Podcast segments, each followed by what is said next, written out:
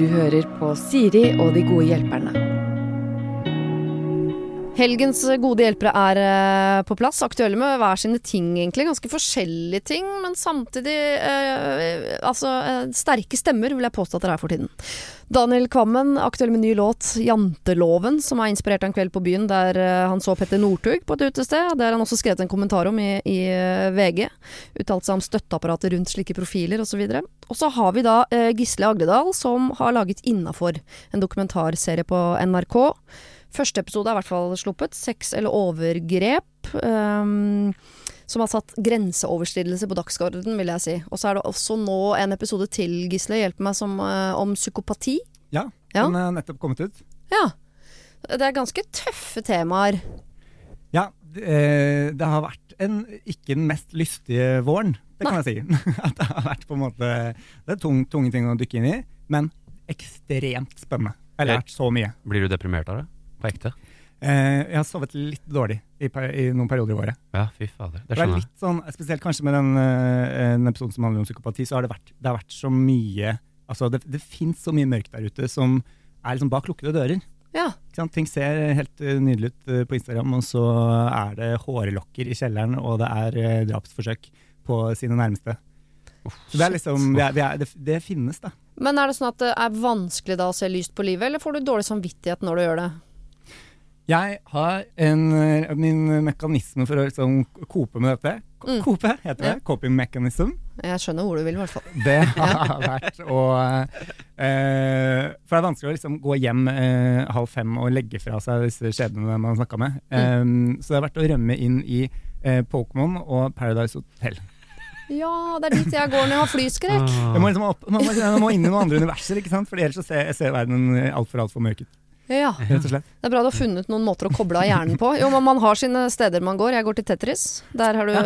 meg. Det er jo på en måte en variant av uh, Paradise Hotel. Det handler om å få ting til å ligge opp hverandre. um, Daniel Kvammen, eh, du ble inspirert av en kveld på byen hvor du observerte Petter Northug. Er det en mild måte å si at du har vært med på noen av de festene på, eller? Nei, det er dessverre ikke det. Altså. Eh, jeg kjenner ikke han. Altså. Så det var rett og slett sånn at jeg sto der på et utested.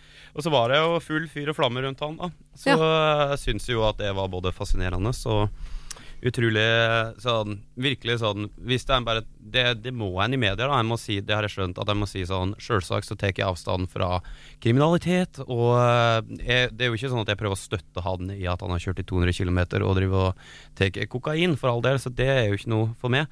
Men eh, jeg må jo si at sånn idrettsutøver og sånt, så har jo jeg sånn enorm respekt for fyren. Og syns jo det var et skue som var litt trist, sjøl om det ikke skjedde noe sånn voldsomt dramatisk den kvelden. Så da gikk jeg hjem og skrev den låta Ja. om eh, kongen på Haugen som egentlig bare griner litt på innsida. For det, jeg tenker at det er det som er kanskje er åpenbart med hele storyen. da At eh, Det var i hvert fall helt åpenbart for meg at den fyren der har det kanskje ikke så bra som han prøver å late som han eh, ser ut som han har det. Nei. Ga Har, det noen mening? ja, absolutt. Har du fått noen tilbakemelding fra han? N nei, eh, det det her har jeg tenkt ganske mye på. Ja. Fordi jeg har jo gått ut og gjort det her, og så har det jo eh, på en måte Herregud, jeg, det jeg var veldig redd for at folk skulle tenke sånn Hva er det han Kvammen driver med nå? For jeg har jo basically sagt sånn Kanskje vi skal tenke litt på Kanskje vi skal prøve å tenke litt på uh, sånne folk når det er over. For det er jo eh, Hvor er nedtrappingsplanen? Og så har det bare vært helt sånn fantastiske tilbakemeldinger. For jeg var veldig redd for at folk skulle tro det at jeg liksom faktisk er sånn at jeg støtter han i kriminelle handlinger, men sånn har det ikke vært. Nei. Men jeg har jo tenkt ganske mye på at jeg tror jo det er er iallfall First House. Jeg vet ikke, jeg tror du First House er skikkelig uh, forbanna, eller fordi der får mer betalt fordi jeg driver og tar opp deg på nytt? Uh, eller tror du at uh, uh de er bare irritert for at jeg har tatt opp Jeg har tenkt ganske mye på det. Og jeg er usikker på hva han sjøl mener, for jeg har jo sagt mye fine ting. Ja. Men ja, nei, veldig, Jeg tipper han delt. trykker all støtte han kan få til sitt bryst uh, for tiden. Men det er ikke sikkert han får med seg alt. Tipper han har pakka seg ganske greit inn i noen ulltepper og noe greier. Ja, øh, og skåner seg altså. for omverdenen i stor grad. Ja. Nei, men jeg syns litt synd på han, altså, fordi uh, det er jo um, Jeg tror jeg egentlig relaterer litt til det du, Gisle, sa. At det er liksom sånn På mange måter, altså Du prater om Instagram og sånt, kanskje litt sånn vag kobling her, men på et eller annet sånn nivå så relaterer jeg jo dette til en større menneskelig historie, der med alle liksom heia på vinnere Vi lever jo i et sånn kjendisfiksert samfunn der med alle heier på at vi skal opp og fram. Mm. Og det er liksom Hvis vi bare tar det som et premiss, verken positivt eller negativt, så må vi også spørre oss hvor skjer når det er over? Ja. For det er jo over på et eller annet tidspunkt. Det vakuumet der tror jeg er vanskelig å leve i. Det tror ikke jeg bare idrettsutøvere, men generelt folk som har fått mye oppmerksomhet. Jeg tror det kan skje med helt vanlige folk som har fått masse oppmerksomhet hjemme av mamma og pappa. Kommer ut i den virkelige verden. Får ikke oppmerksomhet. Blir syk. Nå er du veldig god. That's my point. Dere, vi skal eh, holde oss til Vi er jo eh, i eh, Psykopati har vært nevnt. Vi har snakket om Petter Northug uten å dra han helt inn i den gjørma der. Men vi skal holde oss sånn noenlunde til temaet i det første problemet vi skal til. Eh, her er det en ung jente som trenger vår hjelp til å overtale sin mor og far. Hei, sier og de gode hjelperne. Jeg har et problem. Jeg er en 21 år gammel jente som sliter mye med selvtillit og det å føle meg bra nok. Jeg føler at jeg ikke strekker til. Jeg har hatt eh, to veldig gode kjærester, og begge har prøvd å få meg vekk fra disse tankene. Jeg får alltid fine kommentarer når jeg møter ukjente, og jeg vet at mange syns at jeg er pen, men jeg ser det ikke. Og jeg har kjent på dette i snart fem år. Jeg klarer ikke å snu det, uansett hvem som sier noe. Jeg vil prate med en psykolog, men jeg tør ikke å si det til mamma og pappa. Så hvordan går jeg fram? Jeg føler at de vil synes at det er teit, og jeg er avhengig av at de hjelper meg med penger til dette. Hva skal jeg gjøre? Kall meg Katrine. Jeg bare si det først at Man er jo ikke avhengig av å få penger eh, for å gå til psykolog. Det eh, fins alternativer der som eh, er gratis. Eh, men her har vi jo en ung jente som syns det er vanskelig å innrømme overfor mammaen og pappaen sin at livet er litt vanskelig. Mm. Hva gjør man da? Denne er litt vrien. Ja. Fordi jeg så kjenner flere som, hvor, hvor jeg tenker sånn Jeg kunne ønske at dere bare så dere sånn som vi andre ser dere. Mm. Jeg mener? For, Ja. Og det er så åpenbart for alle andre liksom, hvor mange gode kvaliteter det mennesket har, men så eh, klarer de ikke å se det selv. Og etter fem, var det fem år hun sa at hun har følt på disse tingene, Mm. da sitter det jo sikkert ganske dypt i, da. ja.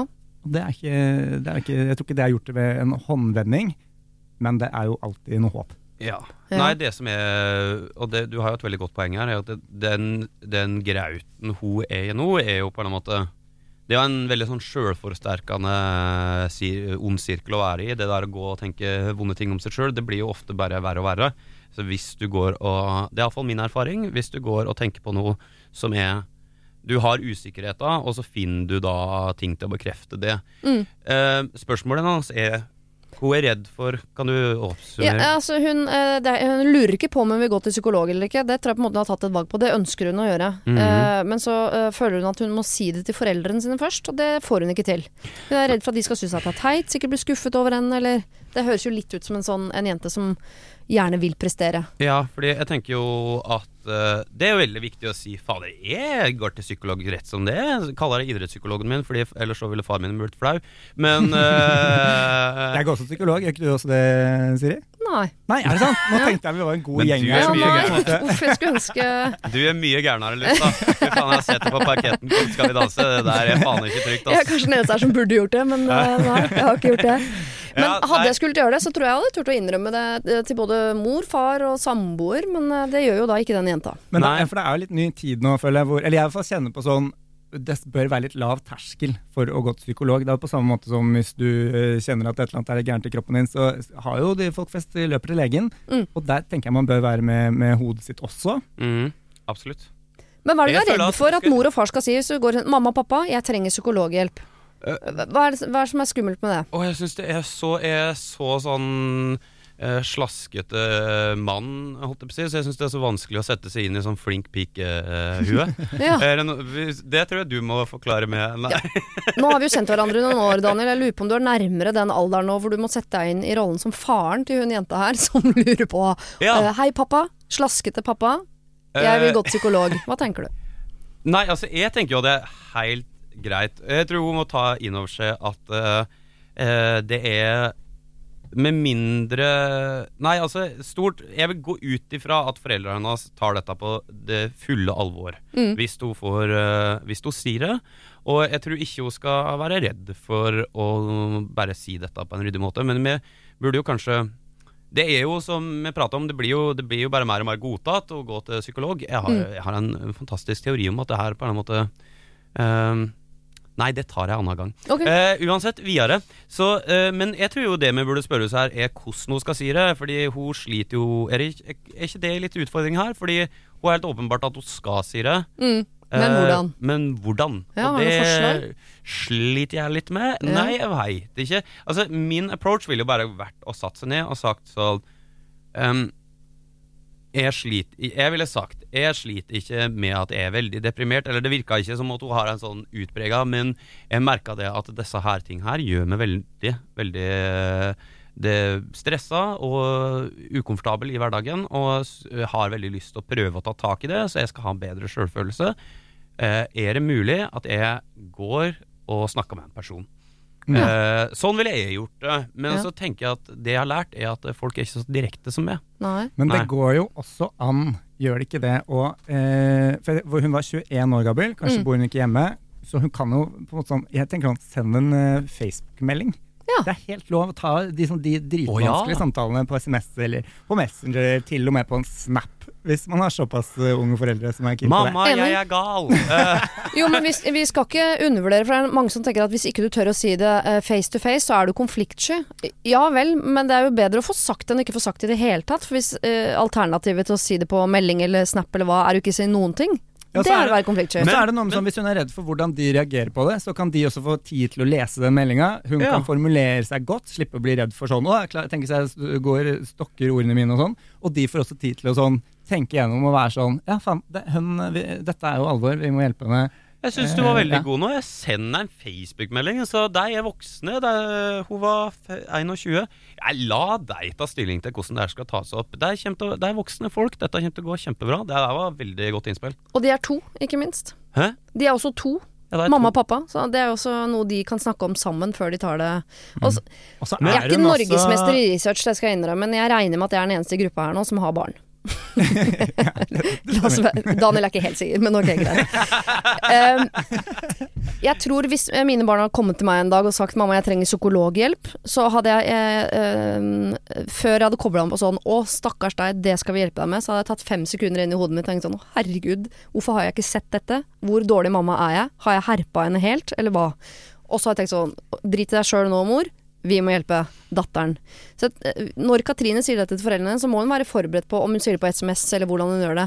At det blir nok en fem sekunders stillhet der hvor foreldrene går inn i seg selv med en slags form for skuffelse over at de ikke har sett, ikke har reagert, ikke eh, at, eh, vært mer på ballen i forhold til dette. Og så kommer de til, i sin egen flauhet, til å være eh, 100 kobla på på sånn Nå skal vi hjelpe til. Ja. Og det er jo litt chill å slippe å sitte i det rommet sammen med de foreldrene som blir livredde og ville i blikket. Ja, Sånn at de får liksom ta den reaksjonen, og så skrive en gjennomtenkt melding tilbake og være der for deg. Så du tror altså ikke bare den der Facebook-tommelen kommer?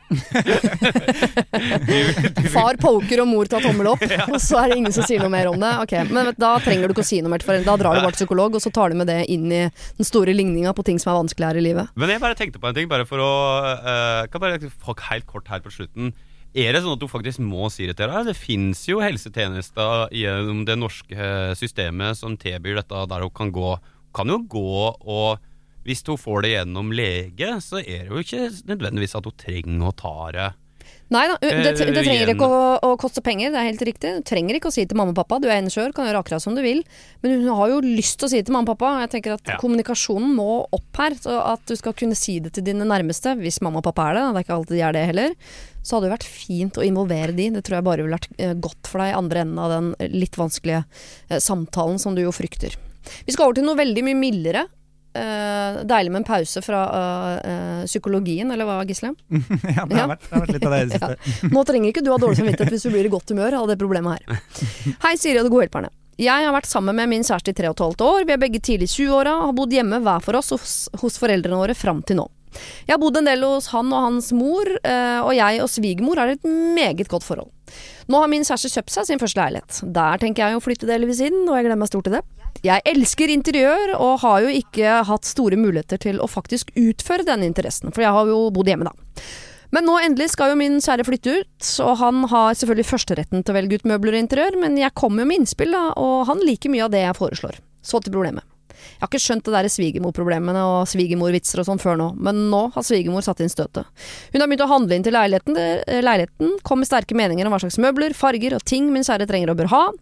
Han er vel litt mammadalt, da, og hører på henne og er lett påvirkelig. Jeg derimot syns det er ganske irriterende at hun skal begynne å handle inn etter hennes smak.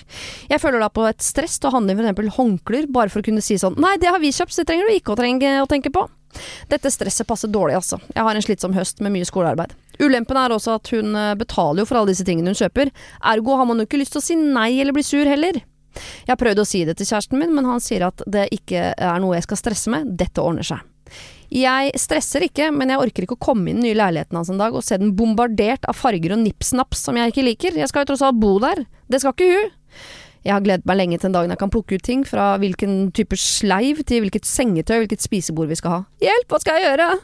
Tilleggsinfo, han flytter om fem uker. Eh, eh, det er ikke så mye plass til å oppbevare ting i mellomtiden, eh, men både jeg kjøper ting, og hun kjøper ting. Hilsen fortvilet svigerdatter.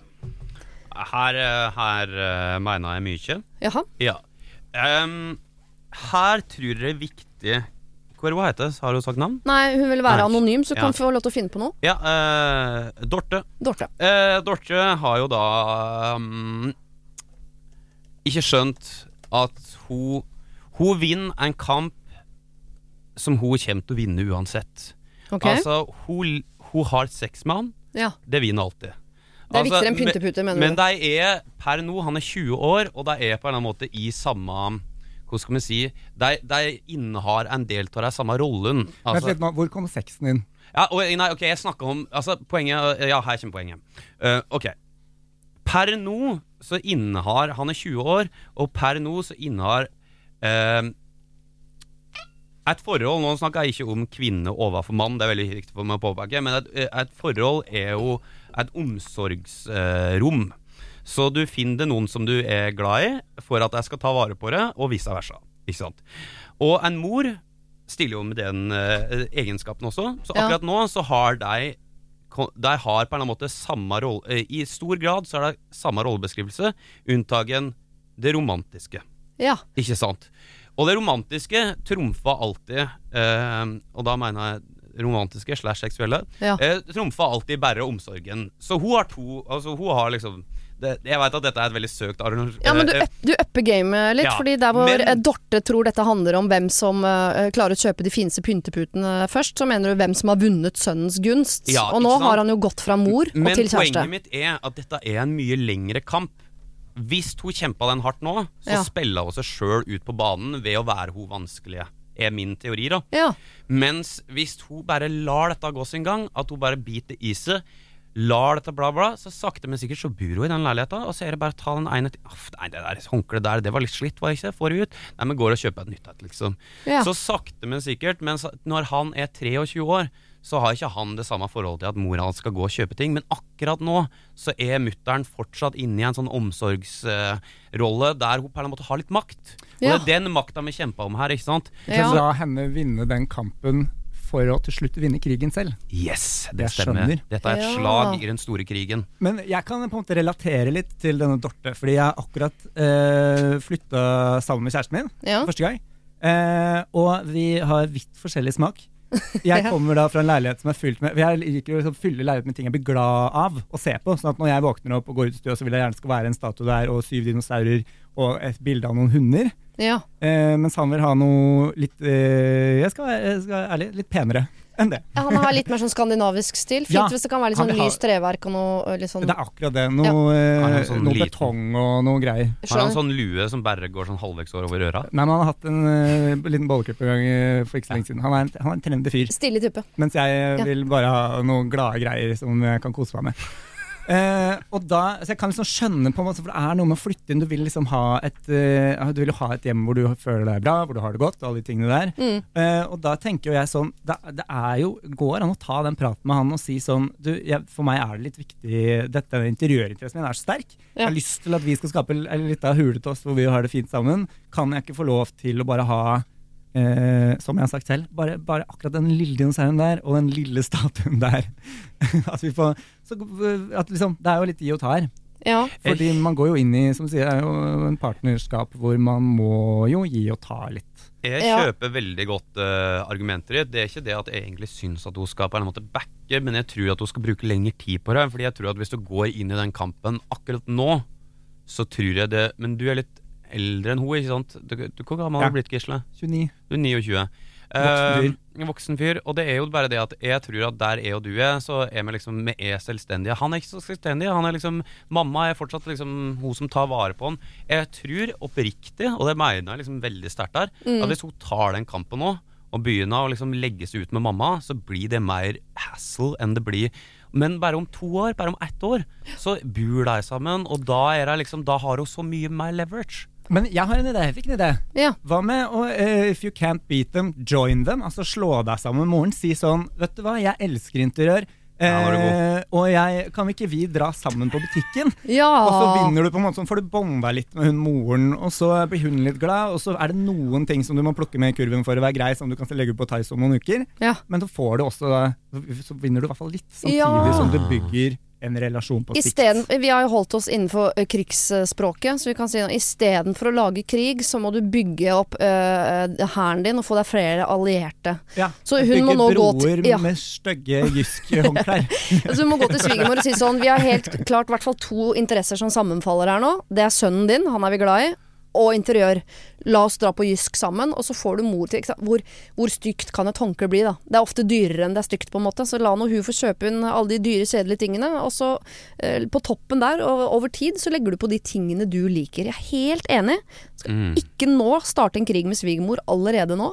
Dette må vi ta over langen. Og om noe så skal du sammen med din eh, kompanjong eller fotsoldat ut og kjøpe pynteputer og håndklær. Det, det syns jeg var veldig lurt. Jeg trodde ikke vi skulle havne der, folkens. Da syns jeg vi var gode.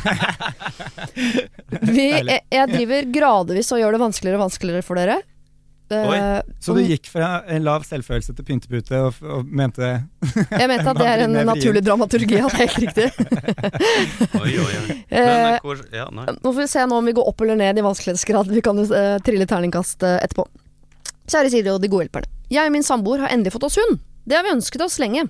Det er nå to måneder siden vi fikk hunden.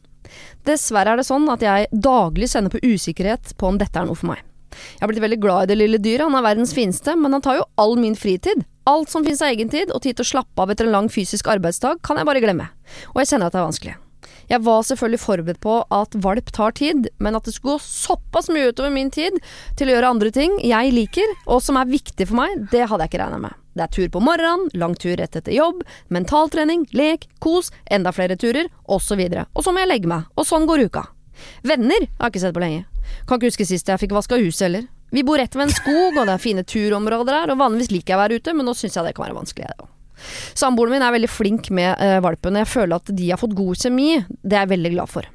Men han er frilanser, og utover høsten skal han reise en del med jobben, og dermed ligger ansvaret på meg, og det vet jeg ikke om jeg klarer.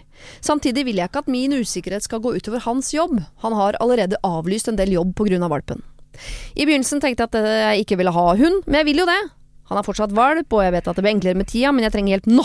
Jeg trenger tid for meg selv. Før korona var jeg sykemeldt eh, fra jobb pga. stress. eh, Da pga. jobbsituasjonen, altså. Nå har jeg ny jobb. Og jeg vil ikke at det skal skje igjen. Har dere noen tips til hvordan min hverdag med hund kan bli enklere? Bu fuckings hu. Ja, det er litt lov å si. Hun har gjort Ja, det er litt Her er det noen som har gjort litt dårlig research Ja, ja. før du fikk deg et altså. lite levende dyr. Dette, Men det hun er er jo i det nå, og det virker som hun, hun vil ikke kvitte seg med valpen. Hun vil bare ha litt avlastning. Eh, Men jeg syns ikke vi skal kvitte seg med valpen-alternativet. Vi tar det ikke av bordet ennå. Kan godt skyve det litt til siden. Er du Men vi, sikker på det? Skal vi ha det med oss? Kvitte Ja. seg med valp? Kan man det det? er lov, det. Vet du. ja, jeg Ja, jeg nei, foreslår ikke at vi skal legge ned i en eh, melsekk med tunge steiner og senke Akerselva. Jeg er jo ikke et ondt menneske. Men det er masse fine, eh, varme mennesker med fritid der ute som har lyst på valp. Men du tenker at det er et alternativ? Det, apropos eh, psykolog. Ja, fordi i neste runde nå så blir det jo barn. Da er det alternativet av bordet. Valp, det mener jeg at der er det lov å øh, krype til korset og si sånn Det fiksa ikke jeg. Jeg snakker om sekken, men ok, ja. Oh, ja, nei. nei. Eh, Jeg tror at det er, det, Hun er ikke den eneste som sitter igjen med en valp etter koronalockdown. nei. Så dette er sikkert mange som kan kjenne seg igjen i. Eh, og jeg har støtt på noen med dette problemet, nemlig, eh, som hadde den beste løsningen jeg har hørt om. Alle elsker jo en valp, ikke sant? Mm. Også disse vennene henne som hun aldri får sett. Lag en gruppe på Facebook og eh, lag en liksom, eh, ordning som om det var en timeshare-hytte. Ikke sant? For folk, jeg, jeg, jeg, jeg blir gjerne med i den gruppa. Jeg tar gjerne med og tar den Er du med i den gruppa tid. der alle kjendiser tar vare på den uh, taxibikkja? Nei, men jeg har så lyst til å være med. Jeg vet, Det er akkurat den, er den gruppa jeg snakker om. Det fins altså en hund. Heter hunden eh, Taxi, bur, eller? Den heter Taxi, og den Ja. bor på Tøyen. Og det er bare kjendiser som tar vare på den. Ja. Og Ja, den har jo verdens beste liv, for den har, det, er alltid, alltid noen som vil ha en valp. Med Det 100 mammaer 100 pappaer, liksom. Det er gøyal å gå tur med på morgenen når du har vært ute dagen før. Deilig å ha noen i armkroken. Mm -hmm. Så jeg tror det er en god løsning. Altså. Lag en gruppe. Da får du også møtt disse vennene dine. Du får litt avlastning innimellom. Og alle syns det er gøy med valp. Ja, men Ja. jeg syns at um, For å være ok, enig, jæklig god løsning. Det fins jo apper, uh, hundepass-apper. Mm. Uh, men hvis du ikke veit dette Kvitt det med den bikkja. Altså seriøst, jeg, hvor ærlig er det lov til å være her? Helt 100. Ja, nei, dette syns jeg bare så er så tullete. Altså, det er jo et levende liv. Og Ja. hvis du ikke har mulighet til å ta Sorry, jeg skjønte at vi skulle vært litt sånn mer sånn herre Ok, prøve å finne løsninger for henne. Ja, lag den gruppa. Det fins løsninger her for mer avlastning. Men hvis du liksom ikke Ikke, ikke, ikke, ikke ta vare på et liv hvis du ikke har tid til å ta vare på det. Eller ikke ta på deg et liv, liksom. Det er et levende menneske Det er et levende uh, Men det dyr. er jo på en måte allerede Det er jo litt too late. Er det ikke det? Nei, fordi det finnes veldig gode sånn omplasseringsordninger i dette landet. Så Ja. øh, Min uh, beste kompis han elska sin hund, og den fikk han uh, når han var altfor gammel. Så det er fullt mulig å gi det bort. Jeg tror det er fullt mulig å gi det bort. Jeg syns bare at det er litt sånn Det er litt sånn tidlig. Han er valp, og det er for stress. Altså Den blir ikke mindre aktiv, den bikkja. Nei, og så må det, og det er ikke nødvendigvis en egoistisk handling heller. Jeg tenker at uh, jeg er jo ekstremt glad i hunder. Jeg prøver jo å spune bikkja mi hver eneste dag. Jeg jo, blir jo gladere for å se uh, han enn alle de andre i husstanden. Men uh, hunden skal også ha det bra. Så det er klart at hunden vil jo bo et sted hvor ikke mor syns det er litt sånn pes hver gang man skal gå tur. Åh, våkna du igjen? Og må vi kose nå? Leke? Åh. Ja, det- er jo ikke bra for hunden heller. Hunden vil jo ha positiv energi rundt seg. Nå Mm. hører jeg at jeg er blitt sånn hundemenneske.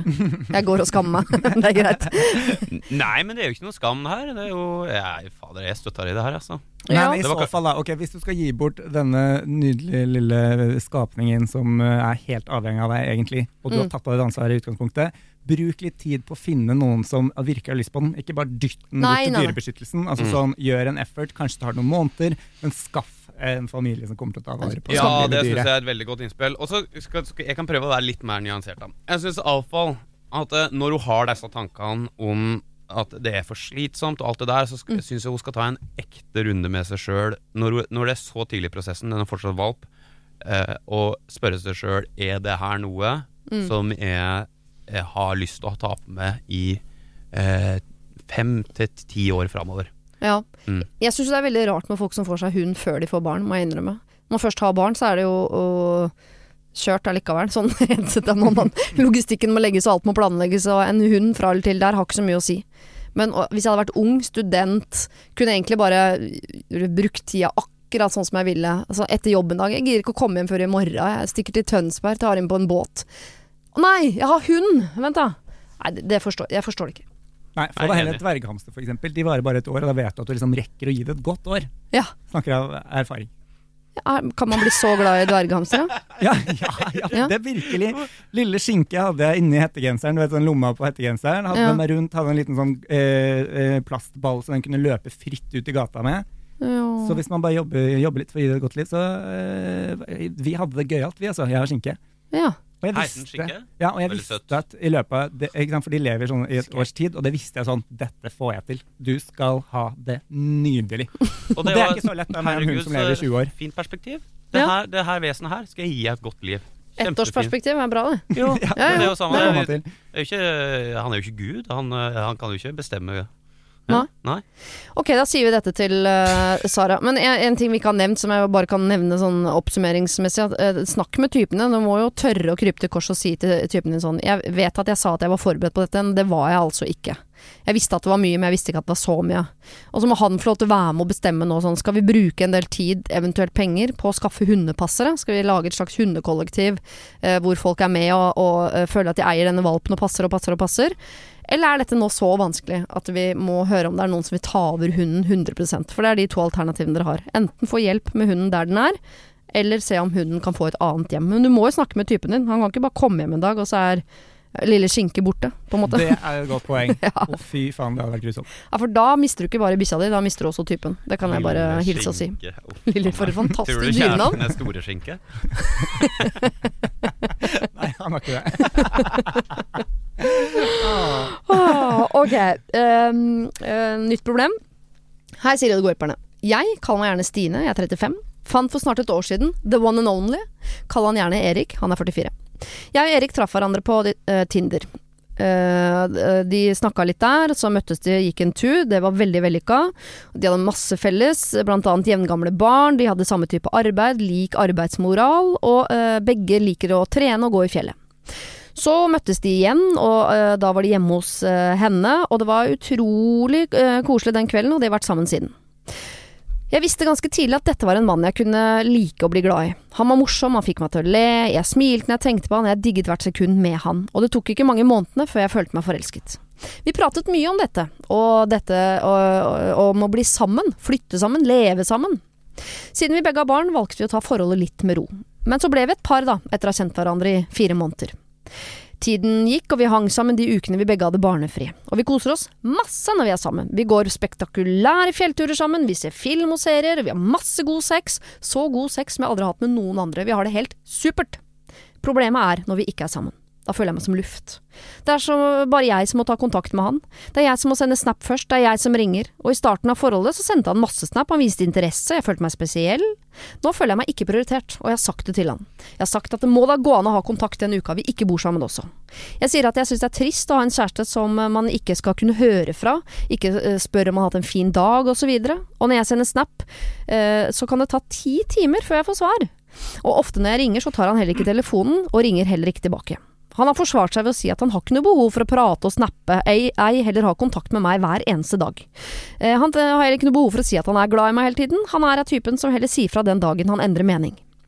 For ca. to måneder siden eh, tok vi opp et tema mens vi var på tur, og det handlet da om dette med om hvorvidt vi elsker hverandre.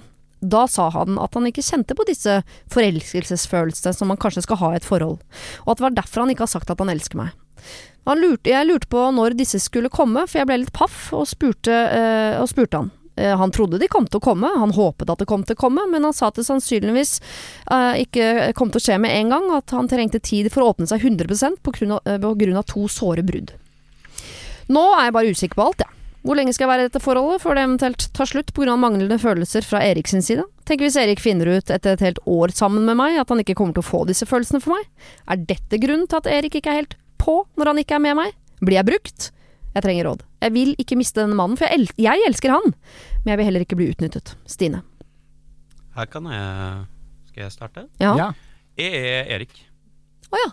Altså, han har så likt handlingsmønster som meg. Men jeg synes det var veldig hardt at han sa han sier fra når han har forandra mening. Det, det vil ikke jeg stå inne for, men utover det så er jeg han. Ja. For jeg er sånn at nummer én så er det Og det, det er flere ting her da som jeg ville liksom vært sånn jeg, jeg vet ikke om dette er riktig, men da blir det bare sånn jeg forklarer hvordan jeg har det. da Mm. Jeg er sånn som jeg leser en melding, og så om det er fra noen jeg liker eller ikke, så er det bare sånn Jeg kan lese den, og så skjer det noe, og så er jeg bare sånn bla, bla, bla, uh, videre, og så kommer jeg på det dagen etter sånn Fader, jeg glemte å svare Ja. Siri, liksom. Fader, jeg svarte ikke, liksom. Og sånn virkelig sånn jeg har, Det er ingenting personlig. Det har ingenting med eh, mangel på kjærlighet, eller har ingenting med eh, Altså eh, og hvor mye en elsker noen. Eller liksom, altså, men det er virkelig bare sånn Jeg har et annet sånn kommunikasjonsmønster enn det som er forventa fra samfunnet. Ja, Det er ikke en Um, aktiv handling. Du leser ikke en melding fra et menneske du liker og tenker sånn øh, 'Jeg har lest meldingen din. øh, liker deg ikke godt nok til å svare med en gang. Sett på alarm ti timer'. Nei, Altså, ikke sant? Her, her, ikke sant? Apropos, og videre så er jeg også sånn som kan bruke Det her tror jeg jeg har sagt på har vært her før. Jeg er sånn langfølt at jeg kan liksom bruke et år eller to på å liksom bare sånn der, bli sånn skikkelig glad i noen, liksom. Sånn, Ja. sånn at jeg bare merker at det, det er sjelden at jeg har den derre 'herregud, så forelska jeg', liksom. Altså, ja. Men eh, nå som du da er Erik fordi jeg Er du henger- Stine? Vær så snill! Er du Stine? Eh, ja, jeg er kanskje litt Stine, faktisk. Så bra. Så dette skal vi få til. Fordi da lurer jeg på, Erik Hvis jeg sier til deg Men jeg har kjempebehov, fordi du snakker om at du ikke har behov for å ringe, at du ikke har behov for å si, gi meg bekreftelse. Men hvis jeg sier sånn Men jeg har ekstremt behov for det. Og det har jo Stine sagt fra om. Ja. Hvordan, hvor, hvor er det ikke liksom, Går det ikke an å eh, liksom, gidde å gi lite grann, når du skjønner at det er viktig for den andre parten? Jo, absolutt. Og det er jo det store. Altså, og det her er jo noe jeg som eh, Daniel Kvammen, eh, som prater om seg sjøl i tredje person i dag, eh, har brukt ganske mye tid på å liksom prøve å tilpasse meg verden. For jeg ønsker å være den beste mulige versjonen av meg sjøl. Så jeg ganske mye tid Eller jeg har brukt ganske mye tid på det her opp igjennom og skjønne at å ja, fader heller, det er viktig nå at bare sånn Skriv, skriv, jeg er veldig glad i deg, bla, bla. Bare sånn. eh, og, og så, ja, han burde virkelig skjerpe seg. Eh, og det sier jeg som eh, Erik. At eh, han, burde, liksom, han burde være observant på det her, og det er for dårlig. Og hvis det kan tre ut av rolla som Erik, så syns jo det som er også litt sånn Litt usikker på her, er at jeg kan sette meg jeg, Som sagt, jeg er en sånn fyr som kan bruke liksom sånn et år på å bli skikkelig forelska i noen og tenke sånn Herregud, du er jo sånn ekstremt viktig for mitt liv og alt det der, ikke sant? Men jeg kan, jeg kan nok bli litt bekymra over at han sier sånn han ikke har forelska følelser. Og på andre sida jeg, jeg syns ikke det lova sånn kjempegodt. Fordi han Ja. For hvor lenge har de vært sammen nå? Fire måneder. Ikke sant? Jeg, for jeg er jo Stine og har jo lyst til å gifte meg med absolutt alle jeg ligger med noen gang. Ja. Helt i andre enden av deg, Daniel. Bra det ikke ble oss. Eh, men eh, nå jeg skal fortelle en hemmelighet? At eh, eh, Gisle er en av de få mennene i verden som jeg har kyssa. Husker Er du det? Ja. Husker du det? jeg håpet du skulle si ja, ja, liggende, ja. men ok. Jeg ble litt skuffa, faktisk. foran, det var eh, foran Hva var det for noe? Foran eh, en liten eh, en kristen En litt sånn eh, Kristenplakat, ja. Ja, det var sånn en liten, sint kristen. En sint kristen eh, Mm. Jesus-fundamentalist. Mm. Ja. Med kyssa foran. Den andre jeg kyssa, var en uh, mann som heter Daniel. Han så meg inn i øynene på Elsker, og så sa han 'Vil du bli med hjem?' Så sa jeg nei. Hm. Veldig, veldig dårlig historie. Angrer du?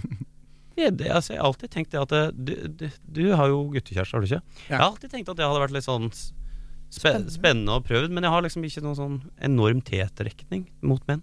Nei, da blir kanskje det jo hvis, du- litt hvis du gir det et år, kanskje du Men, men jeg syns det Jeg syns, jeg Men syns det er- er litt sånn fascinerende da med altså alle Nei, altså jeg, jeg syns det er litt sånn kjipt at det ikke er mer har mer sånn homofile tendenser enn det jeg faktisk har. For Ja. jeg syns det hadde vært litt sånn det hadde vært, Jeg synes det hadde vært sånn, litt sånn artig Ikke artig, jeg skal ikke si at ø, seksualitet er artig, men jeg Jo, det- seksualitet kan være litt artig. ja, men det hadde være gjort si. meg, jeg synes det hadde gjort meg til et interessant menneske om jeg var litt mer homofil enn det jeg faktisk er. Men tilbake til Ja, Gisle og Daniel, dette må dere gjerne gå og drikke masse kakao og snakke om i timevis etterpå. Uh, jeg bare eh, Jeg er litt nysgjerrig på hvor kompromisset her skal ligge. Fordi eh, Stine har et enormt behov for å ha masse kontakt eh, med Erik, også den uka hvor han eh, bor sammen med barna sine. Erik har ikke det behovet. Det betyr ikke nødvendigvis at Erik er noe mindre glad i Stine enn Stine er i Erik. Så det vil si at de er hver sitt eh, ytterpunkt av skalaen for hva eh, oppmerksomhet i den uka angår. Er da kompromiss kompromisset nødvendigvis at Erik skal eh, strekke seg helt mot Stines ende av skalaen fordi hun har behov? Eller kan Stine også strekke seg litt mot Erik i forhold til sånn når han ikke er sammen med meg? Hun kan se positivt på han. Han er veldig til stede for barna sine den uken. Det er ikke fordi jeg er luft, det er fordi øh, akkurat der og da så er det noe annet som er viktigere. Og han, han vet inni seg at jeg er viktig, og neste uke så skal han være sammen med meg 24 timer i døgnet. Men jeg tenker jo, jeg skjønner tanken om å møtes på midten, men øh, samtidig, dette er sikkert fordi det er jeg som er Stine her, så Ja. mener jeg jo at eh, det, er, jeg, det er antageligvis større eh, Det er viktigere for henne på en måte å få snakke med han enn det er for han å unngå henne, vil jeg gjette. Ja, det er Skjønner sånn, Det er ikke viktig for han å bare sånn Å gud, hun skal jeg ikke snakke med annenhver uke. Og da, da, så Noen ganger så er det jo, eh, er det ene behovet litt viktigere enn det andre. rett og slett. Så jeg mener at vi må i hvert fall lene oss litt mot Stine sin side. Ja, Jeg er jeg er enig for at så vidt enig i det, altså. Det Ja. kan være viktigere, det behovet, men det betyr ikke at han for egen maskin skjønner på en onsdag klokka to Vent da, nå sitter sikkert Stine og har noe behov For at jeg snapper tilbake. for at jeg ringer. Jeg lurer på om jeg gjør det. Så det, det, det er for mye å kreve av et menneske som ikke har de behovene selv. Men at han kan bli flinkere til å svare, f.eks. Ja, Jeg bare tenker, Hvis han er en veldig bra kjæreste de ukene de er sammen, holder ikke det? Jo, det burde holde. Og så tenker jeg også at eh, bare sånn for å ta litt sånn prøve å problematisere eh, Altså hvis hun Hvis hun er sånn som sender en snap og sender en melding, og så, og så ringer hun på kvelden, så er det nok sånn at han veit at den telefonen kommer til sju- sjuende og sist også. Og da bare sånn så ta, han, Det virker som han tar telefonen, og det virker jo ikke som han ikke kommuniserer med henne. Men jeg merka det at Nei, han tok ikke alltid telefonen. Ja, ikke alltid. Det er en litt sånn varsellampe, tenker jeg. Ja, men sånn skal- ikke ja, men, Må man det bare fordi man er Han sammen? kan ikke alltid ta telefonen. Det er jo Innimellom så er han jo opptatt. Eh, Ja. eh, og jeg bare eh, jeg, er Jeg er også Erik, sånn- hvis ikke dere har skjønt det for lenge siden. Men jeg er heldigvis også sammen med Erik. Vi er to Erik. Det er perfekt. Ja. Nei, snakker altså, aldri sammen. jeg synes det er litt når vi er sånn sammen, så gjør vi det. Hæ, hva sier de? Ja, nei, når vi er sammen, så gjør vi det. Hvis jeg drar på helgetur med venninner, så har ikke jeg snakket med han før jeg kommer hjem fra den helgeturen. Nei, jeg, skal, jeg, bare, jeg syns det er litt vanskelig å avgjøre om Fordi hun framstår nok også for meg som det jeg ville kalt litt needy, på en måte. Eller, så kan han kalle det veldig forelska, på en måte. Og, men på et eller annet nivå så må en også være trygg på hvem en er. Og hvis han er sånn, så må en på en måte være trygg på det. Og, og for Men jeg skjønner bare, for det er litt kort tid. Fire måneder er ikke så lenge når du har et, øh, øh, altså er ambisiøs og har masse barn og greier. fordi da rekker du ikke å på en måte Du har jo ikke, du har ikke vært sammen så lenge da, eller? Og du kan egentlig dele det i to, for de har vært sammen i fire måneder. Men halvparten av Det er er, det jo med uker, det. Ja, de har vært sammen i to måneder. Åtte uker har de hatt sammen. Og da skjønner jeg at man blir litt usikker. Ja. Og det, det kan hende ganske- at hvis vi først skal møtes på en midt her, så kan det nok hende at Stine det, eh, også skyver Erik lenger over på Eriks-sida ved å drive og ringe. At Erik tenker sånn nå er det veldig maste. Og da ringer jo i hvert fall ikke Erik tilbake når han ikke har det behovet i utgangspunktet. Mm. Og det der, men hun veit jo hun har unger sjøl, har hun ikke det? Jo. Ja, ja, ja Da er ikke poenget med valid, men altså Det er jo veldig sånn med en gang en er i et forhold der det er noen som har barn fra før av, men dette veit hun jo, så er jo det noe helt annet enn bare sånn å være bare sånn kjæreste. Da er det jo virkelig sånn Da er det jo to separate liv som på en eller annen måte også Når de møtes, så er det bra, ikke sant? Men da er det jo virkelig sånn to separate liv, og det burde jo ha litt respekt for, burde du ikke det? jo. Eller at det liksom sånn Det ville iallfall jeg tenkt. Jeg tror i hvert fall det vi kan si liksom, til Stine, at du kan nok ikke forvente at Erik plutselig skal få disse behovene. For det, det handler ikke om kjærlighet. Eh, men du kan jo forvente at han er villig til å møte deg på halvveien i dine behov. Og hvis det ikke er nok for Stine, så er jeg redd for at Erik er ikke er nok for Stine. Han er, han er ikke lik nok Stine i, eh, i behovene for eh, hvor mye de skal sammen, hvor mye kontakt det skal være, hvor ofte de skal snakke sammen, hvor ofte de skal bekrefte. Så øh, ja Jeg vet ikke hvor vi ender den med Stine her. Hva? Hva hvis Stine bare liksom eh, roer ned bitte lite grann på de snappene, eh, og så kan hun heller også forvente i retur å få svar på på en måte en høyere prosentandel av de, hvis du skjønner hva jeg mener? For Hvis hun bare Mm. ringer annenhver dag i stedet for hver dag, Ja. Mm. så tar jo han antageligvis telefonen eh, litt oftere, så føles det litt bedre for begge to. Ja. Kanskje? Enig i det. Uh, mitt tips ville vært å tatt en prat med han. Si OK, jeg forstår. Prøve å sette seg inn i hans situasjon. Mm. Si jeg forstår det her, men hvis du kan ringe med eh, annenhver dag, hvis du bare, hvis vi bare kan ta fem minutter på telefonen, så gjør det livet mitt veldig enklere. Og så kjenner jeg litt på hvordan han reagerer på det, for jeg mistenker nok Jeg er nok litt sånn skeptisk til hvor gira han er når han sier der at han ikke har de følelsene. Så kanskje ta den praten, og roe litt ned, som Gisle sier. Ja. Og så bare være litt observant på hvordan han reagerer på det. Ja. Du må nok forklare behovene dine ganske tydelig, Stine. For når man har så forskjellige behov, så er det litt vanskelig å forstå den andre, rett og slett. Så her må dere bare uh, sette dere ned, når dere er sammen, riktignok. Prate sammen om hva uh, begge vil, uten at jeg har noe med hvem som liker den andre best osv. å gjøre. Så uh, lykke til. Jeg håper han er villig til å møte deg på halvveien, og at du også er villig til å, å strekke deg litt for å forstå hans måte å kommunisere på de ukene hvor dere da ikke er sammen. Har du problemer selv, send dem inn til siri at radionorge.no. Hei, Siri og dine gode hjelpere. Jeg trenger sårt noen gode råd. Jeg vil være eh, anonym. Eh, jeg er 32 år og har vært sammen med en fantastisk mann i et halvt års tid. Han har orden på livet og økonomien på stell, eller i hvert fall fram til nå. Han skylder en del penger. Jeg har muligheten til å hjelpe han med å slette gjelden og låne han disse pengene, det er snakk om ca. 300 000. Men det sitter litt langt inne å ikke Nei, det sitter litt langt inne å skulle overføre alle sparepengene mine til en mann jeg ikke har kjent så lenge. Jeg føler meg som en fryktelig dårlig kjæreste dersom jeg ikke gjør det. Så hva syns dere? Hvor lenge har disse to vært sammen? Ja, det fikk jeg med meg. Eh, Hun er 30 og 32, de har vært sammen et halvt års tid. Nei, nei, nei, nei, nei, nei, nei, Nei, nei, nei. nei, Nei, nei, nei, nei, nei. Utdyp. Ja, kan jeg bare, dette minner jo litt eh, Jeg skal være litt forsiktig med å ta på disse psykopatibrillene mine, men det er eh, Man skal passe seg litt for folk som ber om 300 000 etter å ha kjent hverandre i noen måneder, altså. Ja, det Det er er ikke sikkert han har bedt om det, altså. Nei. Nei. Eh, Åh, Men det har jo iallfall kommet på bordet som et alternativ. da Det er kjempe, kjemperart. Nå er det veldig mye hard melding. Jeg liker i utgangspunktet ikke å være så sånn bastant, for nå var jeg veldig bastant rundt det forrige eh, problemet. Uh, og så er jeg en bastant En er ganske bastant her også.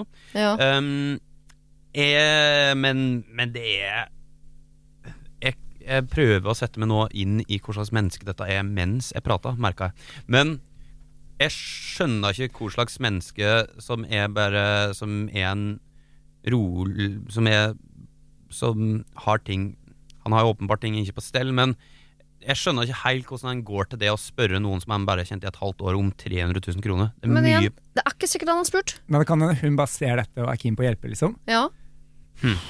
Det jeg- jeg skjønner at dere er så bastant. Det burde han i så fall si nei til, tenker jeg. ja. Men Ja. det er det ikke sikkert man gjør hvis man har 300 000 i. Men hva, men hva slags lån er det snakk om? Fordi Er det på en måte et huslån, så er det bare å la det rulle og gå. Men er det et forbrukslån?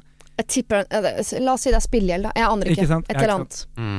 Det er bare Det- noe med Jeg skjønner at dere sier nei. Jeg har så tenkt meg en gang å nei, nei, nei, nei, skummelt, skummelt, farlig, farlig. For man har hørt om denne uh, Tinder-mannen og alle disse mennene som lurer penger uh, ut av uh, voksne, smarte damer.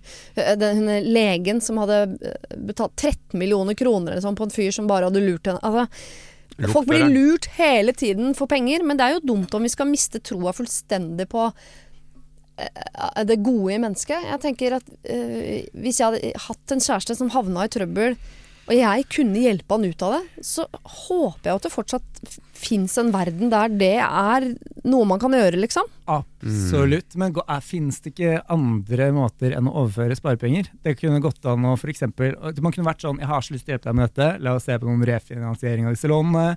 La oss se på sånn Kanskje vi kan Kan man si sånn Det er jo eh, det, Du er ikke du er ikke frekk mot kjæresten din om du sier sånn Kan vi liksom sette opp en slags nedbetalingsplan og gjøre dette litt ordentlig? Ikke Ja. Eh, og så kan man være grei og være sånn, skal ikke ha noen renter eller noen ting, liksom, men bare, bare pass, altså at, vi har, at det er kanskje et lite sånn, siden vi ikke har kjent hverandre så lenge, et lite juridisk aspekt ved det. Men, Ja. eh, vet men, men for å la oss være La oss være liksom La oss te, eh, diskutere dette litt. Han skylder altså 300 000 kroner. Dette er Ja. jo helt utrolig interessant. Det er veldig sjelden jeg gjør sånt.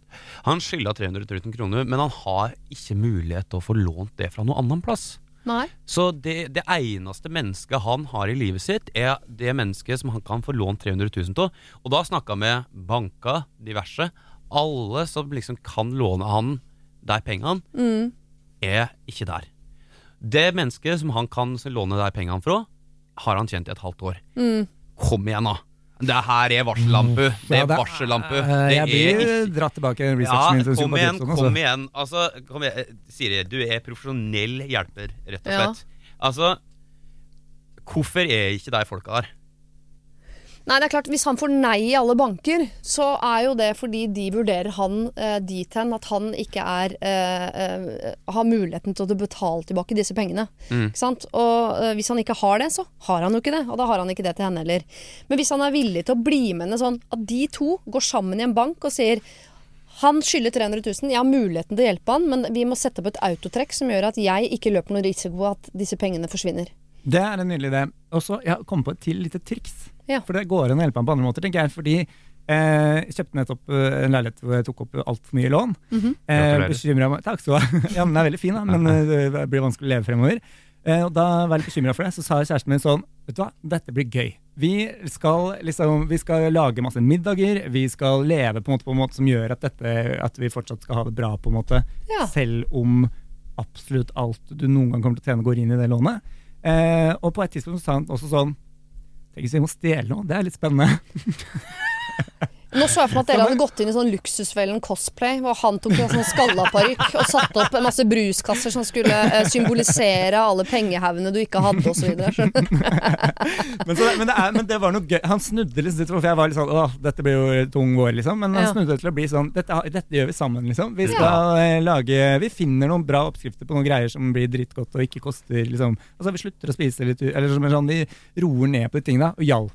Liksom. Det går an å hjelpe ham å spare. Ja, vet du hva, det er det Ja. hun skal. Hun skal Ja, hjelpe han med sånn jeg skal hjelpe, Dette skal vi komme oss gjennom. Kanskje låne han noe.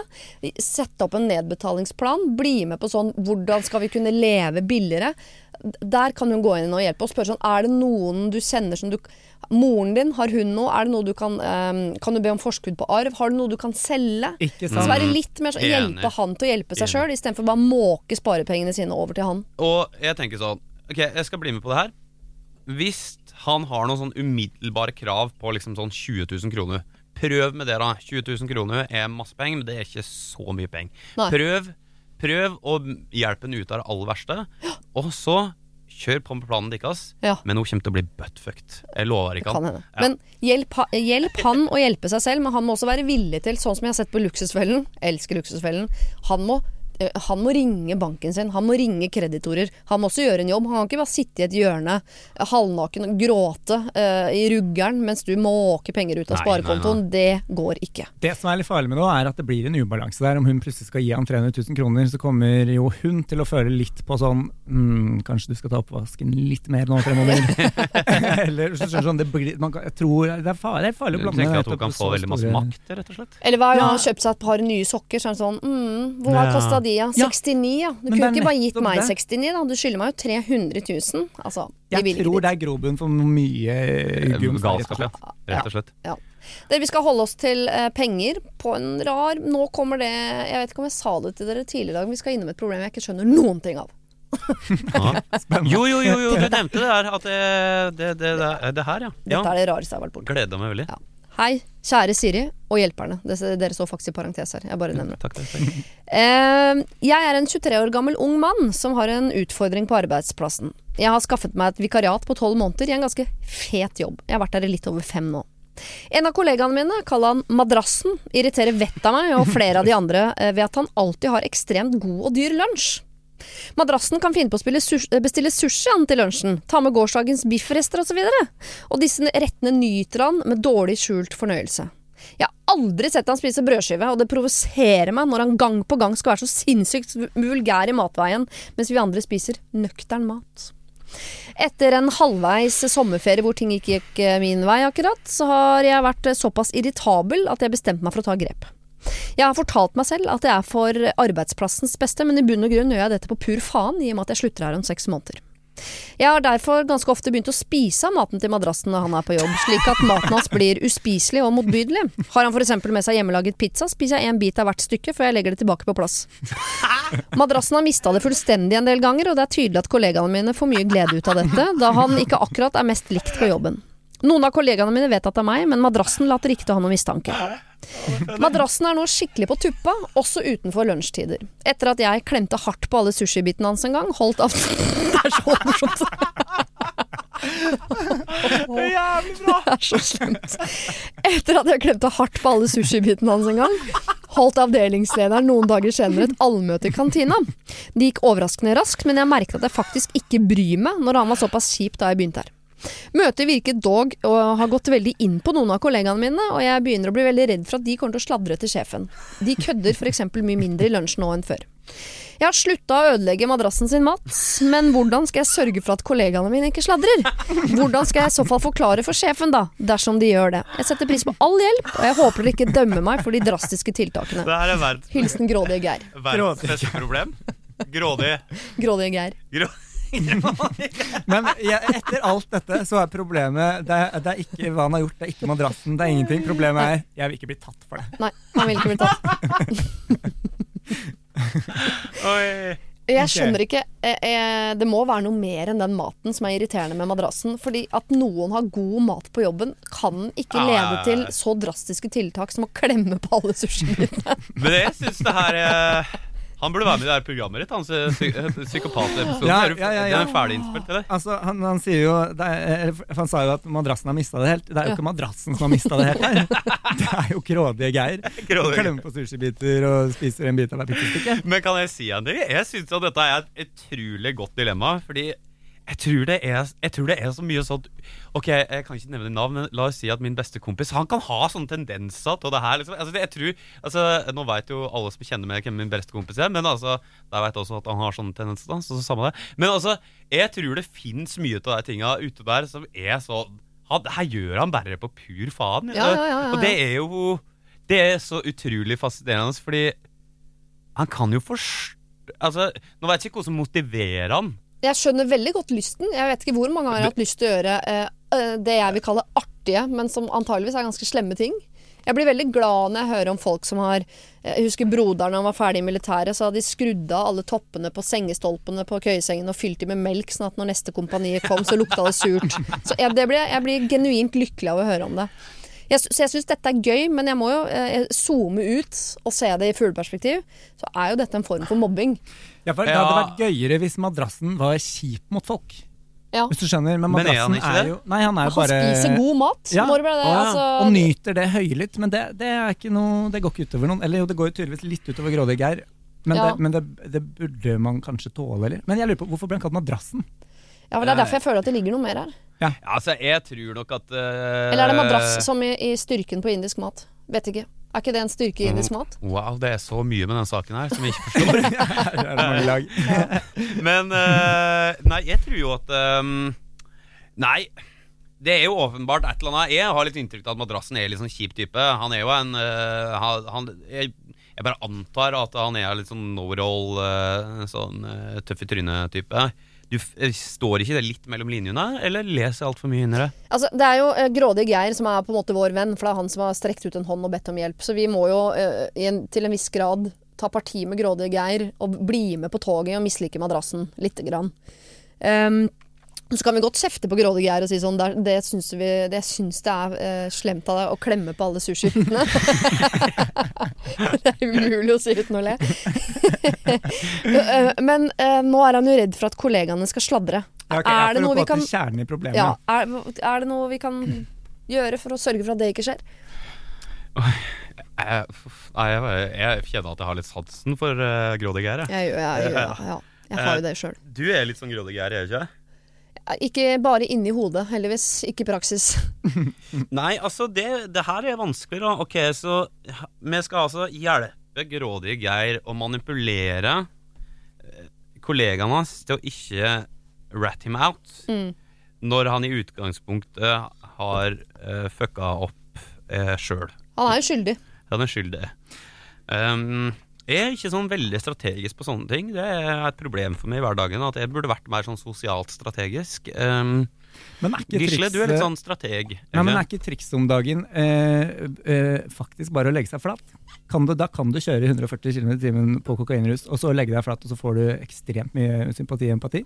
200, mener du? Var det 200? Ikke Ja. sant? Så Men men jeg bare tenker sånn, kanskje kokain, han Nei, men kanskje han skal eh, rett og slett på en måte eh, Nei, jeg tror ikke han skal come clean, men hvis han hvis det nå kommer til at, eh, at han blir tatt, at noen av kollegaene sladrer, så ville jeg eh, spilt ut dette kortet gruppepress. Alle kollegaene alle kollegaene eh, For det var jo en greie Han gjorde det jo litt for å imponere folk, gjorde han ikke det? Ja, det er en god liten gjeng som veit om at det er han som har gjort det. De syns det var gøy. sånn, jeg, og være sånn, jeg er, et såpass svakt menneske, og jeg har lært av dette. Jeg skjønner at det var motbydelig gjort av meg å klemme på den sushien, Mm. og jeg er lei for det. Eh, og jeg lærte, jeg skjønte alvoret i det, jeg slutta. Ja, Og dette skal jeg jo Det er lærdom jeg skal ta med meg videre i livet. Mm. For dette er en typisk sånn spøk som uh, får liksom bein å gå på, og så på et eller annet tidspunkt blir det slemt, og så får man det ikke med seg, for man har det så gøy. Ja, ikke sant? Så jeg det er tenker at lol i øyeblikket, madrassen, men ja, ja. madrassen er jo lei seg. Jeg mener at grådige Geir, nå har du hatt det veldig gøy på madrassens bekostning. Det eneste riktige å gjøre her uh, er um, uh, å kjøpe all den maten du har ødelagt. Du må kjøpe sushi. Du må kjøpe pizza. Jeg vet ikke om du har sutta på biffbiten hans, eller hva du har gjort. Du må kjøpe den maten du har ødelagt, og gi det til han som en gest og si sånn Jeg beklager, det var meg. Det var smålig. Jeg mener, Han må ta tyren litt ved hornet og ligge i forkant her. Ta en, hva heter han, han musikeren som tok bilde av seg selv med en blå dillo i ræva? Rune Rudberg! Rune Rudberg, ja. ja. Han jo Han lå i forkant her.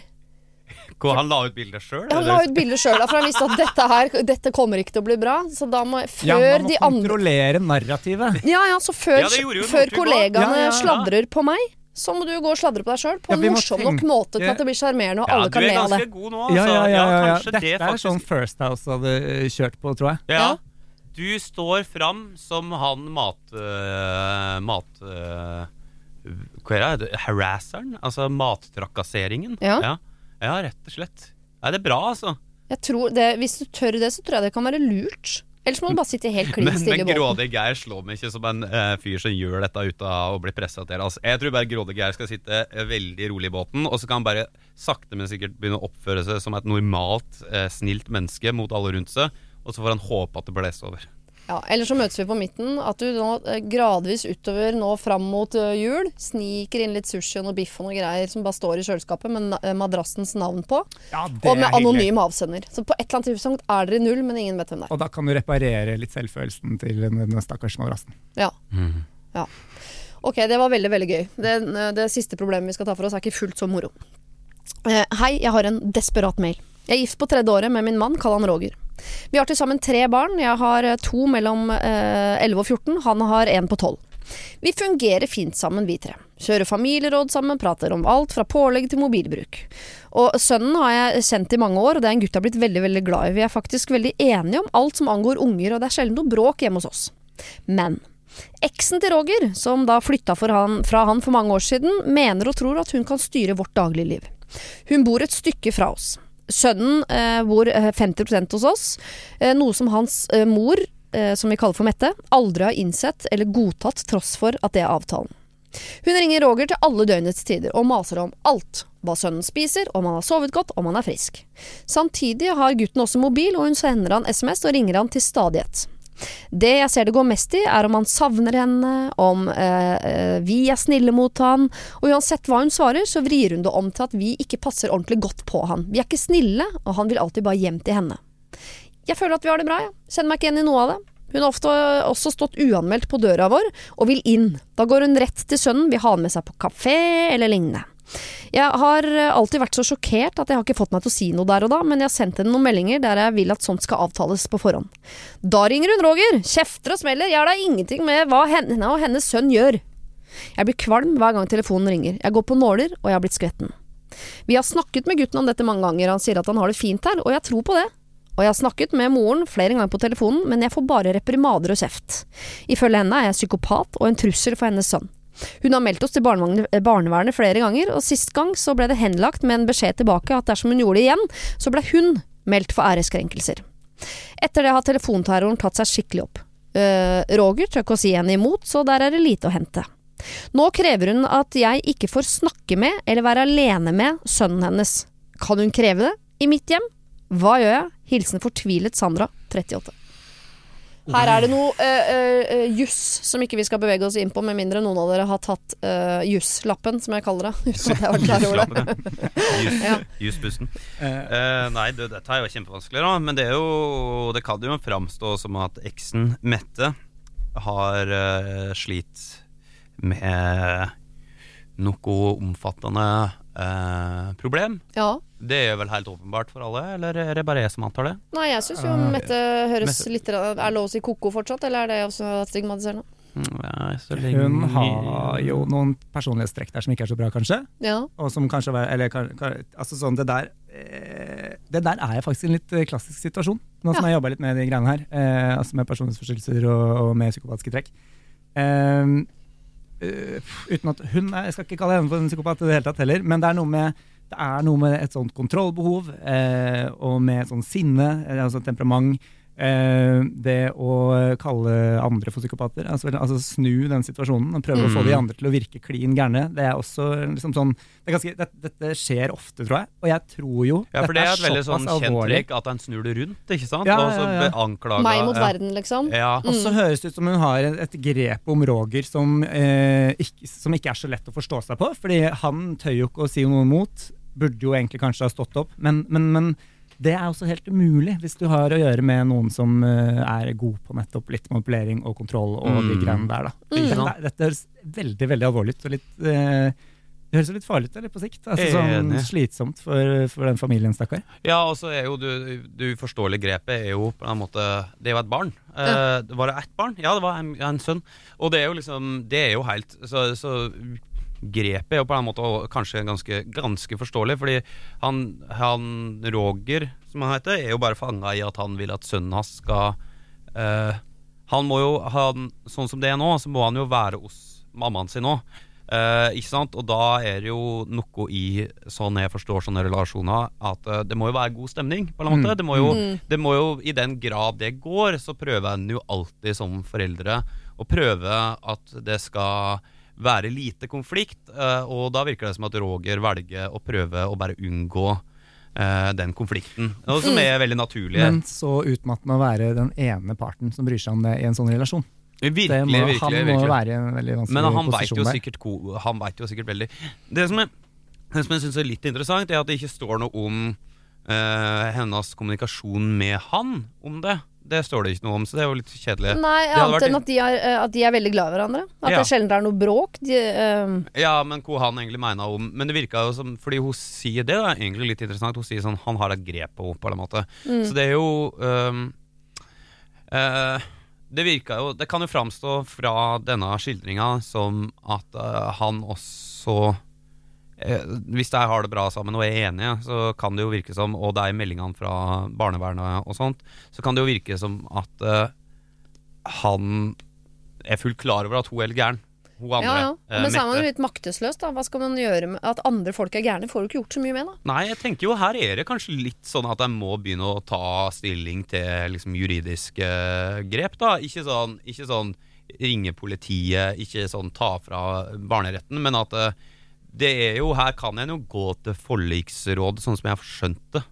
Jeg har ingen barn, men sånn som jeg har skjønt det, så kan jeg gå til forliksråd og faktisk forhandle disse tinga. Ja, det må jo Eh, inn fordi- noen, en sikkert en tredjepart for å løse opp Ja, her. det tror jeg er veldig dette er relevant. såpass liksom, grenseoverskridende, det hun holder på med. Ja. Ikke sant? Og, Absolutt. og det å bli enige om For hun, det, er jo det, det er jo det, de har jo en, en fordeling som ikke hun er enig i. Og man må Mm. jo, det må man jo kanskje være, for hvis ikke så blir jo alt, fucker man jo opp alt hele tiden.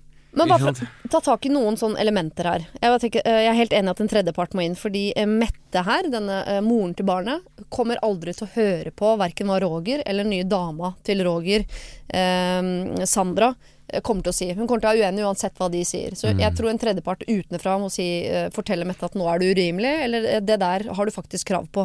For det er noen ting er sånn at hun ringer sønnen sin, sender han meldinger og sånn. Det må en mamma få lov til. Fordi som mor så får man jo barn som man har lyst til å være sammen med 100% Og så Mm. plutselig får du bare halvparten. Det er veldig vondt. Og den halvparten hvor barna er borte, så er det ikke sånn at ikke du har tilgang på barna. Du er fortsatt moren deres den uken også. Og at hun kommer på døra og har lyst til å gå på kafé og sånn, det tenker jeg også at kanskje skal være litt greit. Ja, for det er litt interessant å se det fra Fordi at nå var vi litt kjappe på å være sånn Oi, hun virker jo litt koko. Hun har Men, mistet eh, sønnen sin det- halvparten av tiden, liksom. Dette mm. er jo et, eh, et eh, Moderne problem. desperat eh, menneske. Ja. Som antageligvis vil ha mer nærhet og vil, uh, vil ha, ha nærere familie enn det hun har nå. Men hvor gammel er han sønnen? Sto det? Tolv. Han er tolv år. Og jeg tipper at mor her ikke har fått seg ny familie, så å se at ditt eneste barn forsvinner inn i en ny, god familie De er fire, har sikkert Men- fint rekkehus. Hun tenker sånn Der forsvant han inn i den lykkelige bobla jeg aldri fikk. Sitter jeg i eh, terrasseblokka mi her borte Ja, annenhver uke og sigger og venter på at han skal komme hjem. men Siri det er på en måte nå, nå Fordi du sier sånn Ja, det skal være greit. Og det er for så vidt liksom sånn Ok, i en perfekt situasjon så er det jo sånn at en kan trappe opp på døra til ekskjæresten din, ta med Mm. ungen, og så gå bort og ete litt is, og så sette den av igjen, og så er alt fint. Ja. Sånn har jo veldig mange det, fordi at det, folk er voksne og sånt. Det, det du påpeker, er jo rett etter det, er jo at ok, det er kanskje masse misunnelse. Det er åpenbart av iallfall Sandra sin beskrivelse til dette, at det er mye sinne og aggresjon involvert. Ja. Og da er det ikke så enkelt at hun bare kan komme på døra når som helst. Fordi når hun velger å ta den, eh, ta den tilnærminga, og jeg synes eh, så, så blir det helt andre premiss for at han bare skal En ting er å sende melding og at han skal kunne ha kontakt, men det Mm. å bare møte opp på døra og sånt, er Jeg syns ikke at det nødvendigvis er greit i alle sammensetninger. I en perfekt verden så er det jo sånn at det går, ikke sant? Men, men når det tydeligvis er ganske mye konflikt, så, så syns jeg det er utelukkende greit. Og Men- for å utfordre på én ting, før jeg gir meg her Ja. eh, Nå ble det plutselig debatten. Eh, er bare at han er jo med, med, altså Som mor så er han genetisk veldig tett knytta til ungen sin, følelsesmessig. Jeg forstår det, men han er jo like mye 50% far. Ja, Så han har jo like mye rett på den muligheten til å være med ungen sin i eh, ei uke. Absolutt. Og det Ja. er ikke, jeg tror ikke det er sånn eh, hvis sønnen var på Tusenfryd med far og koste seg i hjel, så skal ikke mor komme og si sånn Nei, nå skal du være med meg på badeland. Det er ikke det det er snakk om her. Jeg tror bare at det hadde jo vært fint om den tiden man ikke er sammen med barna sine, så kan man også få lov til å se dem hvis de har lyst. Og den, må, vi må ikke glemme at den konflikten foreldrene her har, er ikke en konflikt hun også har med sønnen sin. Så det er ikke noe grunn til at ikke de skal kunne spise is sammen fordi hun har konflikt Det har hun faktisk hun, hun, hun Ifølge Sandra Nå bare ta med at Ja. Sandra forteller sannheten. Ja. Så sier hun at hun forteller ungene at de, Hun forteller ungen sin, som er tolv år, Mm. at de behandla hun dårlig. Eller behandla han dårlig. Det Nei, sier hun, nei hun, Jo. spør, hun spør sønnen om de, behandler henne, om de behandler han dårlig når han er der. Ja, Ja, og det det- er jo eh, Det er jo å overføre konflikten på barnet. Men det Ja. som er, dette er jo bare uendelig trist, fordi du har Mette her som åpenbart mangler verk Eller hun har ikke andre verktøy til å liksom skaffe seg den nærheten. Hun blir, eh, hun blir sint, og hun blir Mm. jo Jeg vil jo påstå at det å dukke opp uanmeldt på døra i 2020, uansett hvilken situasjon, er litt spesielt. Mm. Og i hvert fall når du har en avklaring på at sånn Nei, denne uka så er du faktisk ikke der. Ja. Så eh, uff. Men, men Ja, Jeg er enig, det jeg bare skjønner at Det det er vanskelig. veldig godt- liksom. godt sagt, Gisle. Dette er trist. Ja, Ja. veldig trist. Og det er, en skal tenke at en har med noen som mangler verktøya, som du så fint sa. Og det er kanskje noe å ta inn over seg her òg, da. Jeg tror vi også må ta inn over oss at dette tror jeg ikke vi klarer å løse. Jeg tror det nærmeste vi kan komme en løsning på dette, er at det er helt klart at her må det inn en tredjeperson. Og jeg tror ikke at eh, du, Sandra, er den riktige tredjepersonen, på en måte. Jeg tror at eh, far og mor her trenger en tredjeperson som forklarer dem og kan hjelpe dem til hvordan de skal håndtere denne konflikten som handler om deres felles barn. Og så går jo dette selvfølgelig i stor grad utover Sandra og hennes barn og hennes samliv osv. Men Sandra er nok ikke nøkkelen her, for jeg tror ikke Mette på noe som helst tidspunkt er villig til å høre på Sandra, dessverre. Og om Mette er ko-ko eller ikke, det blir vanskelig for oss å si, men, men at de trenger hjelp, det kan vi være enige om. Absolutt. Enig. Enig. Det har vært veldig hyggelig å ha dere her, Daniel og Gisle. Nå skal dere to uh, ut på kafé, drikke kakao og snakke om den gangen dere kyssa, og hvorfor ikke det blei noe mer. Å, jeg gleder meg. Og så forventer jeg en rapport på det i ettertid, ok? Jo, det, det er altså det Uff. Ja. Nei, nå bare sitter jeg og tenker på hvorfor det ikke ble noe. Ja ja. Ja. Jeg vil ha rapporten sin. Ja. Ja. Ha det. Ha det bra. Takk for oss. Det var det. Husk å sende ditt problem til siri at radionorge.no om du vil ha hjelp. Denne podkasten er produsert av Rubicon for Bauer.